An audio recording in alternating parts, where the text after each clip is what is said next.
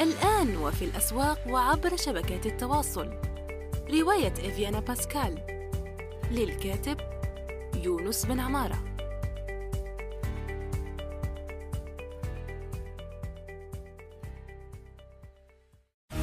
يونس توك خلاصة قراءات وتجارب في ميدان الترجمة والكتابة وصناعة المحتوى. تأتيكم أسبوعيا في قالب مميز وشيق يقدمها الكاتب والمترجم يونس بن عمارة. إن خير من استكتبت قلم قوي وفكر رصين. استكتب. منصة صناعة المحتوى النصي في العالم العربي. السلام عليكم ورحمة الله وبركاته. صباح الخير أو مساء الخير حسب التوقيت الذي تستمعون فيه إلى هذه الحلقة الجديدة من بودكاست يونس توك. أشكركم للاستماع وسوف ننتقل مباشرة للإجابة على السؤال الذي وصلني عبر صراحة أولا جمعة مباركة آه، كل أيامكم طيبة وسعيدة إن شاء الله نص السؤال يقول ما هي طريقتك الخاصة في المطالعة وقراءة الكتب؟ ما هي طقوسك؟ برأيك ما هي الطريقة الصحيحة لقراءة الكتب؟ وهل القراءة السريعة مضرة أم مفيدة؟ وكيف تنتقي الكتب التي تقرأها؟ وسألت كثيرا أعتذر إن كان ذلك مزعجا. بالتوفيق متابعون دائما لما تنتجه. شكرا لك لما في إزعاج ويسعدني الإجابة عن سؤالك. السؤال كما تلاحظون يعني فيه عدة أقسام أو عدة يعني أسئلة فرعية أخرى. سوف نحاول أن نجيب عنها. هناك سؤال أو يعني شق من السؤال يقول كيف تنتقي الكتب التي تقرأ وهو الذي سنبدأ به إن شاء الله. إذا حسب الورقة التي حضرتها يعني كتبتها بالقلم العادي والورقة العادية. مع أن هذا يمكن يبدو غريب أو يبدو يعني قديم آه، في الوقت الحالي في العصر الحالي لكن أفضل أن أكتب في آه، الأوراق في بعض الأحيان يعني ليس دوما. هي مفيدة كممارسة آه، فكرية يعني تفيد. وهناك أيضا الأوراق لديها خاصية مفيدة وهي أن الكتب لما هناك دراسة نسيت يعني مصدرها بالضبط بس هي دراسة علمية تقول أن قراءة الكتب أو قراءة كتب ورقية وقراءة المادة العلمية في في في في وعاء ورقي يعني وسيط ورقي لها آه، بتخلي الإنسان يستوعب المادة أكثر من لو أنك تقرأها من على شاشة. هناك دراسة في هذا الموضوع وهي يعني بالممارسة بالتجربة التي جربتها هي فعلا صادقة يعني. لذلك نشير هنا إلى الموضوع أنك تقرأ من المحبذ أن تقرأ أيضا الكتب الورقية وليست الإلكترونية فقط. إذا آه كما قلنا سوف نجيب أولا على السؤال كيف تنتقي الكتب التي تقرأها وأنا كتبت هنا عدة نقاط وهي أولا الأشخاص. هنا أيضا تبرز ضرورة آه وأهمية أن تحيط نفسك بالأصدقاء الصح في المجال الثقافي والمعرفي. يعني بتصادق ناس هم أصلا يطالعون كثيرا ويهتمون بالقراءة وكذا. ما عندي أصدقاء لازم تصنعهم. هنا مهم جدا. يعني إذا حبيت تتطور وظيفيا تصادق ناس متطورين وظيفيا إذا حبيت تصبح غنيا تصادق ناس أغنياء. إذا أصبحت هنا يعني كما يقول المثل العالمي المشهور أخبرني من صديق وأخبرك من أنت. يعني حتى لو لم تكن تطالع كثيرا كثيرا.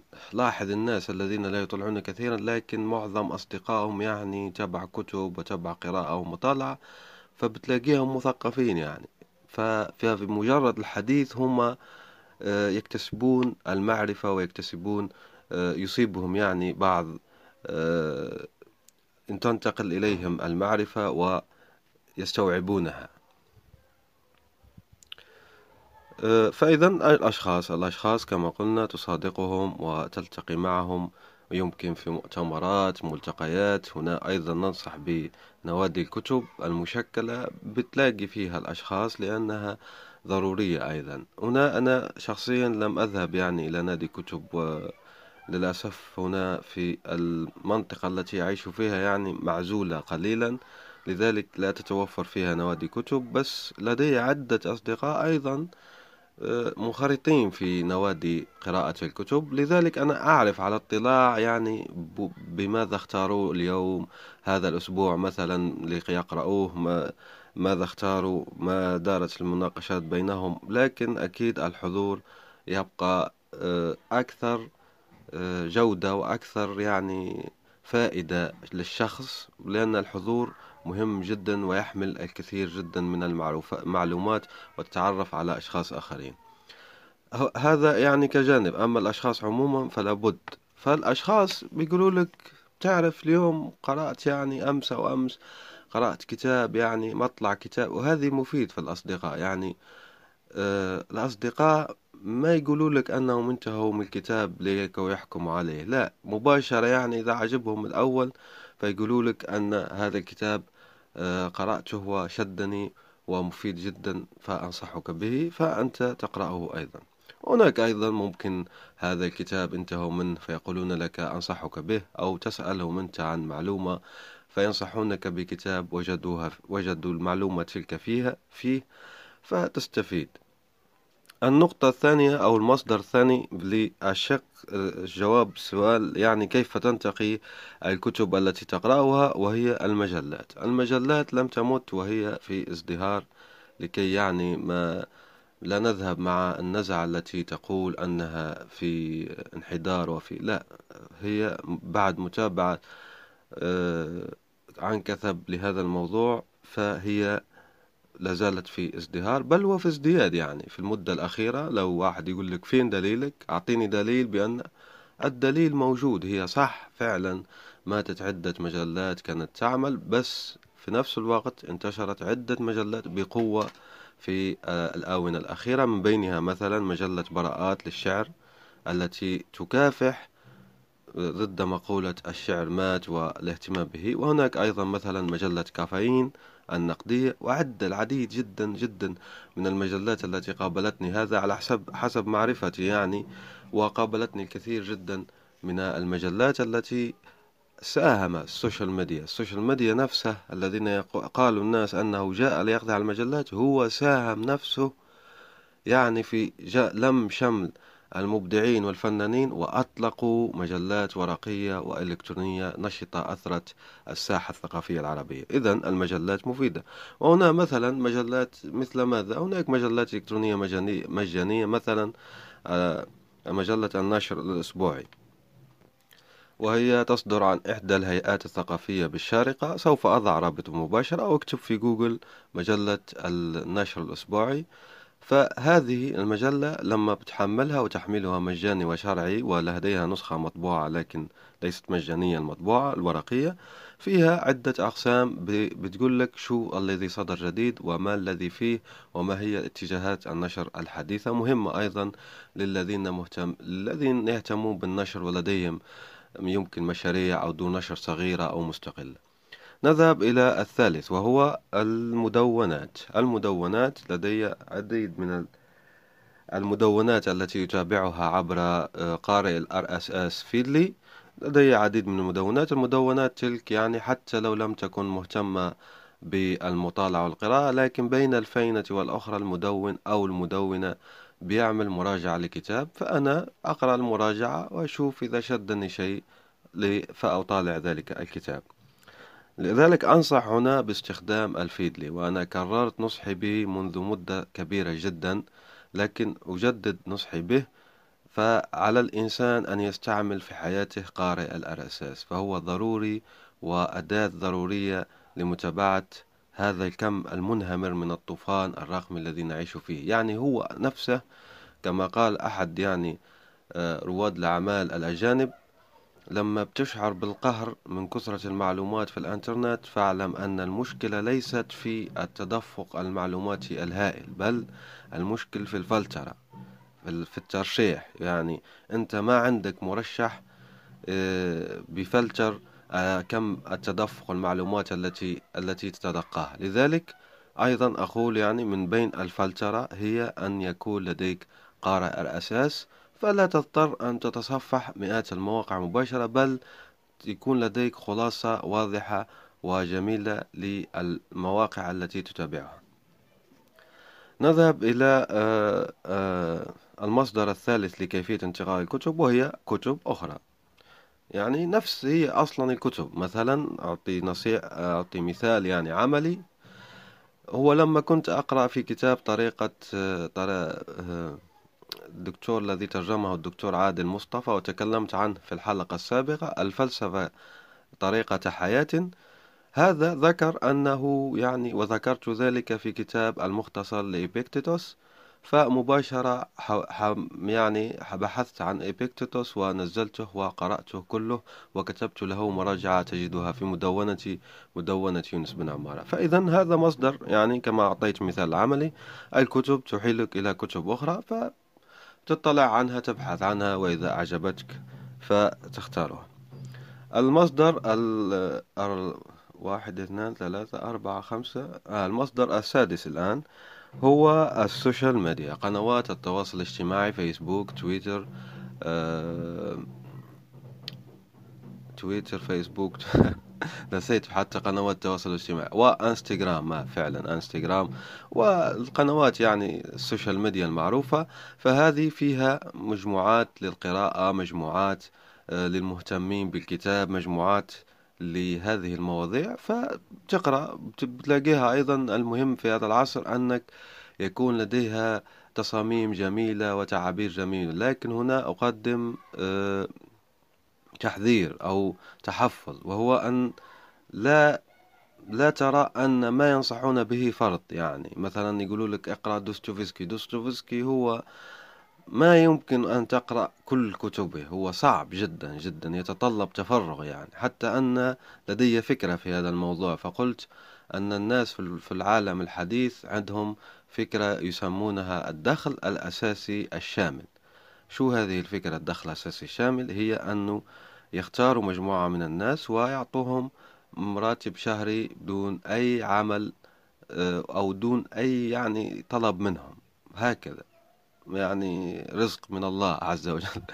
في فيجيبوا إنسان ويعطوا مثلا ألف يورو وهذه تمت فيها تجارب وخرجت دراسات ومؤخرا الهند سوف تطلقها على نطاق محدود. يمكنك البحث في بهذه الكلمات الدخل الأساسي الشامل وراح تلاقي مقالات مفيدة جدا في الموقع الثري مرصد المستقبل عن هذا الموضوع. فأنا طلعت لدي فكرة وهو ليش ما يديروا منح للقراءة فقط؟ يعني منحة بتاخذ هذه المنحة المالية وبتروح تقرأ فقط وما مطلوب منك أي شيء. مثلا منحة لقراءة دوستويفسكي فبيعطوك المجلدات الضخمة لدوستويفسكي بتروح للريفيريا آه، الإيطالية أو لإسبانيا أو للبرتغال وبتظلك يعني ممكن ثلاثة أربع شهور بتقرأ فيها وتستفيد آه، وخلص. قرأت أنت ديستوفسكي واستفدت وعشت يعني حياة استجمام وتسلية والجميع سعداء. أكيد أن هذه الفكرة يعني ممكن تبان خيالية جدا مبالغ فيها بس آه، زي ما قلت لكم يعني مدام فكرة الدخل الأساسي الشامل أتت وطبقت ونفذت وإن على نطاق ضيق جدا فهذه أيضا فكرة يمكن تطبيقها. ونترك يعني المسؤولين وصناع القرار يعني بيدرسوا الفكرة ويشوفوها فكرة منح مالية للقراءة. فقط مو مطلوب منك أنك تلخص ولا أي شيء فقط تقرأ وتستمتع. المصدر الآخر هو النشرات البريدية وهو مصدر آه، كثير من الناس يغفلون عنه وكثير من الناس يعطونه أقل من قيمته الحقيقية. مثلا النشرات البريدية هي لما بتضع آه، إيميلك بريدك الإلكتروني في موقع مثلا مثل جامالون أو موقع مثل النيل والفرات فجامالون آه، ترسل لك نشرة بريدية عن أكثر الكتب مبيعا فتستفيد. مثلا لاحظت بعد مدة كبيرة جدا من الاشتراك في النشرة البريدية لجمالون التي نهنئها لأنها حصلت على تمويل حديث بقيمة عشرة ملايين دولار وهذا مفيد جدا ومؤشر أيضا أن سوق الكتاب رايح في آه، مش رايح فيها. لا مو رايح فيها رايح صاعد يعني. مو رايح فيها ومتدمر لا. هذا وأيضا هناك مؤشر آخر مثلا منصة أبجد أيضا حصلت على آه، لقب آه، ضمن أهم قائمة مئة شركة ناشئة بتقود الثورة الثورة الصناعية الرابعة في العالم وفق المنتدى الاقتصادي العالمي مؤخرا. ونحيي من هنا أيضا الأردن التي حصلت على أكبر عدد جدا يعني الشركات التي تقود ثورة الثورة الصناعية الرابعة. كل معظمها تنتمي إلى الأردن. الأردن حازت آه، المرتبة الأولى في هذا الموضوع. المهم أن النشرات البريدية هنا أيضا مصدر مفيد وإذا كانت لديك أكثر من لغة أيضا تطالع النشرات البريدية الغربية. فهناك أيضا مثلا مواقع لما بتشترك فيها بترسل لك كتيب مجاني بيكون الكتيب هذاك مفيد وفيه العديد جدا من المعلومات. فهذا أيضا مصدر آخر من كيفية قراءة الكتب أو المصادر التي تخليني آه، أختار ذلك الكتاب من غيره فنحن ذكرناها وسوف أعده الآن بشكل سريع للفائدة العامة وهي الأشخاص المجلات الورقية والإلكترونية المدونات وأتابعها عبر قارئ ال RSS والكتب التي تحيل إلى كتب أخرى وقنوات التواصل الاجتماعي ال social media والنشرات البريدية. إذا نذهب إلى آه، الأسئلة يعني الأسئلة الفرعية التي تضم السؤال الذي أرسله الأخ الكريم. وهو يقول ما هي طريقتك الخاصة في المطالعة وقراءة الكتب؟ هي الطريقة الحالية يعني الطريقة الأصلية مو الأصلية يعني الغالب لديها الأغلبية في آه، حالتي أقرأ قليلا فقط الورقية. لأني كما قلت في منطقة معزولة ولدي الظروف التي تسمح لي ب اكتساب الكتب الورقية كثيرا. يعني ما عندي ما عندي وسيلة بتجيب لي الكتب. فحاولت كثيرا وأنا الآن يعني أطلب من الأصدقاء وهم يرسلوا لي. فلدي مجموعة جيدة من الكتب الورقية بس مش هي الغالبية. فالغالبية أنا أطالع بالأدوبي رايدر بالهاتف سامسونج و في غرفة يعني لأن السؤال التي الذي يليه هو يقول ما هي طقوسك في غرفة هادئة؟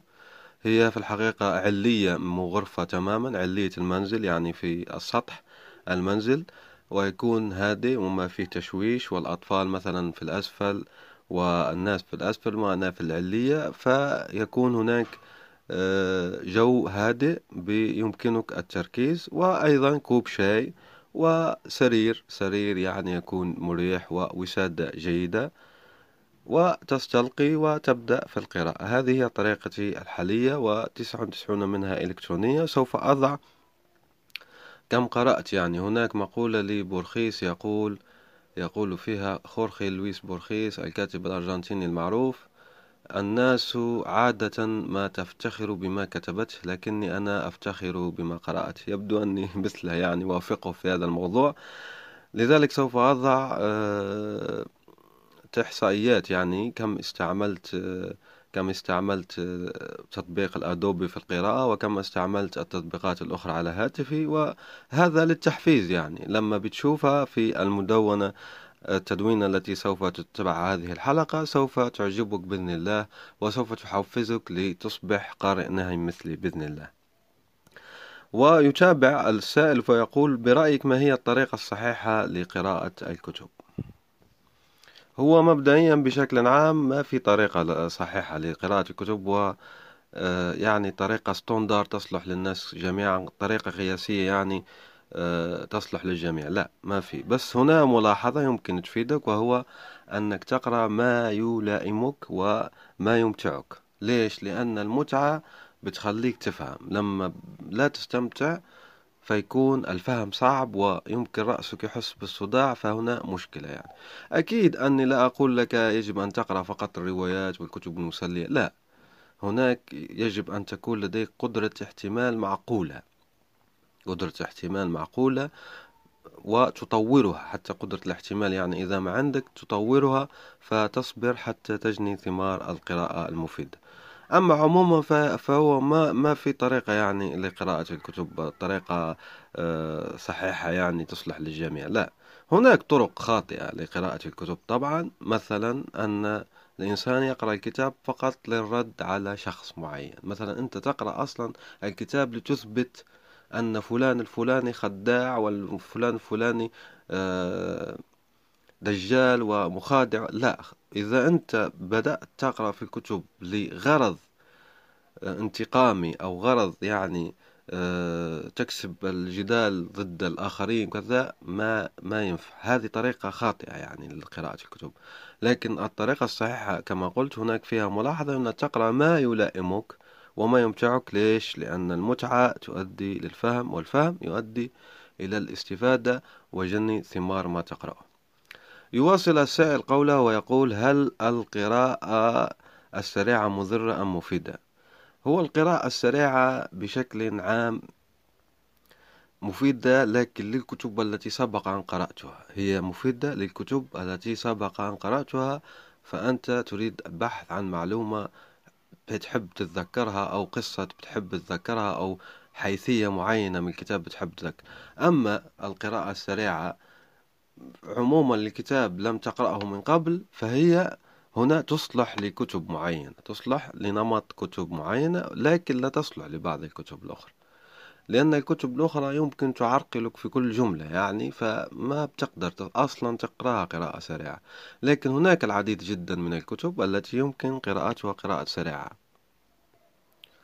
مثلا شو أعطينا أمثلة عن هذه الكتب. هي الكتب ريادة الأعمال مثلا الماركتينج التي تنشر نموذج معظم نموذج الكتب التي تنشره مكتبة جرير يمكن قراءته قراءة سريعة. في يعني الأنواع. أنا أعطيتك الآن أمثلة. فهذه الأنواع الكتب التي تنشرها جرير مثلا آه، كتاب معدي الذي يحكي كيف يعني الأشياء بتنتشر انتشار فيروسي عبر الإنترنت وسوف أذكره كرابط في تدوينة هذه الحلقة. فإذا مثل هذا الكتاب بتصلح القراءة السريعة له. ليش؟ لأنه أصلا مصمم مبني للشيء هذا مبني للتلخيص مبني لأن يكون يعني يمكن له قابلية لقراءة السريع لكن ليست كل الكتب تصلح للقراءة السريعة. مثلا شو كتاب آه، أعطينا أمثلة بخلاء للجاحظ لا يصلح قراءة سريعة. ليش؟ لأنه هو أصلا كتاب يقرأ للاستمتاع. أنت بتقرأ بخلاء الجاحظ لكي تستمتع وتضحك من قلبك ونفسك يعني عن الطرف والنكت التي تدور حول البخلاء. فما ينفع أنك تقرأ قراءة سريعة. فبهذا ما في مقياس عام شامل كامل فهنا تدخل فيها الحدث. وهنا مفيدة جدا كما قلنا يعني في أول هذه الحلقة أنك ب... ب... آه، المصادر الأشخاص مجلات مدونات فكذا فهي تعطيك نصائح عامة. يعني كم يستغرق قراءة هذا الكتاب؟ وهل هو سريع الالتهام أو لا؟ وهل هو يعني بتقدر تكمله في سرعة أم لا؟ فهنا أنت مع الحدث بتقدر يعني هل القراءة آه، يمكنك يعني التوصل إلى معرفة هل يمكن قراءته سريعا أم لا. إذا بشكل عام جوابا عن سؤالك هل القراءة السريعة مضرة أم مفيدة؟ مفيدة إذا استعملت للكتب التي تلائمها وتناسبها مضرة إذا استعملت لأغراض انتقامية أو أغراض غير علمية مثلا آه، غلبة إنسان في حجة أو التفاخر المزيف أو الادعاء أو شيء من هذا القبيل نذهب إلى سؤاله الآخر الذي يقول كيف تنتقي الكتب التي قرأتها أو قد تقرأها؟ وهذا أجبنا عليه لأن نقلناه في أول حلقة. ويقول في النهاية سألت كثيرا أعتذر إن كان ذلك مزعجا بالتوفيق. ما في أي مانع وشكرا. أرجو أن أكون قد أفدتك. شاركوا هذه الحلقة مع أحبائكم وأصدقائكم. جمعة مباركة مجددا. دمتم بخير. إلى اللقاء. سلام. إن خير من استكتبت قلم قوي وفكر رصين. استكتب. منصة صناعة المحتوى النصي في العالم العربي. نأمل أن يكون موضوع هذه الحلقة قد نال استحسانكم. انتظرونا في الأسبوع القادم ولا تنسوا مشاركة الحلقات والاشتراك بالبودكاست. علما أنه بإمكانكم مراسلتنا باقتراحاتكم للتحدث عن أي موضوع يتعلق بالكتابة والترجمة وصناعة المحتوى. الأسواق وعبر شبكات التواصل. رواية إفيانا باسكال. للكاتب يونس بن عمارة.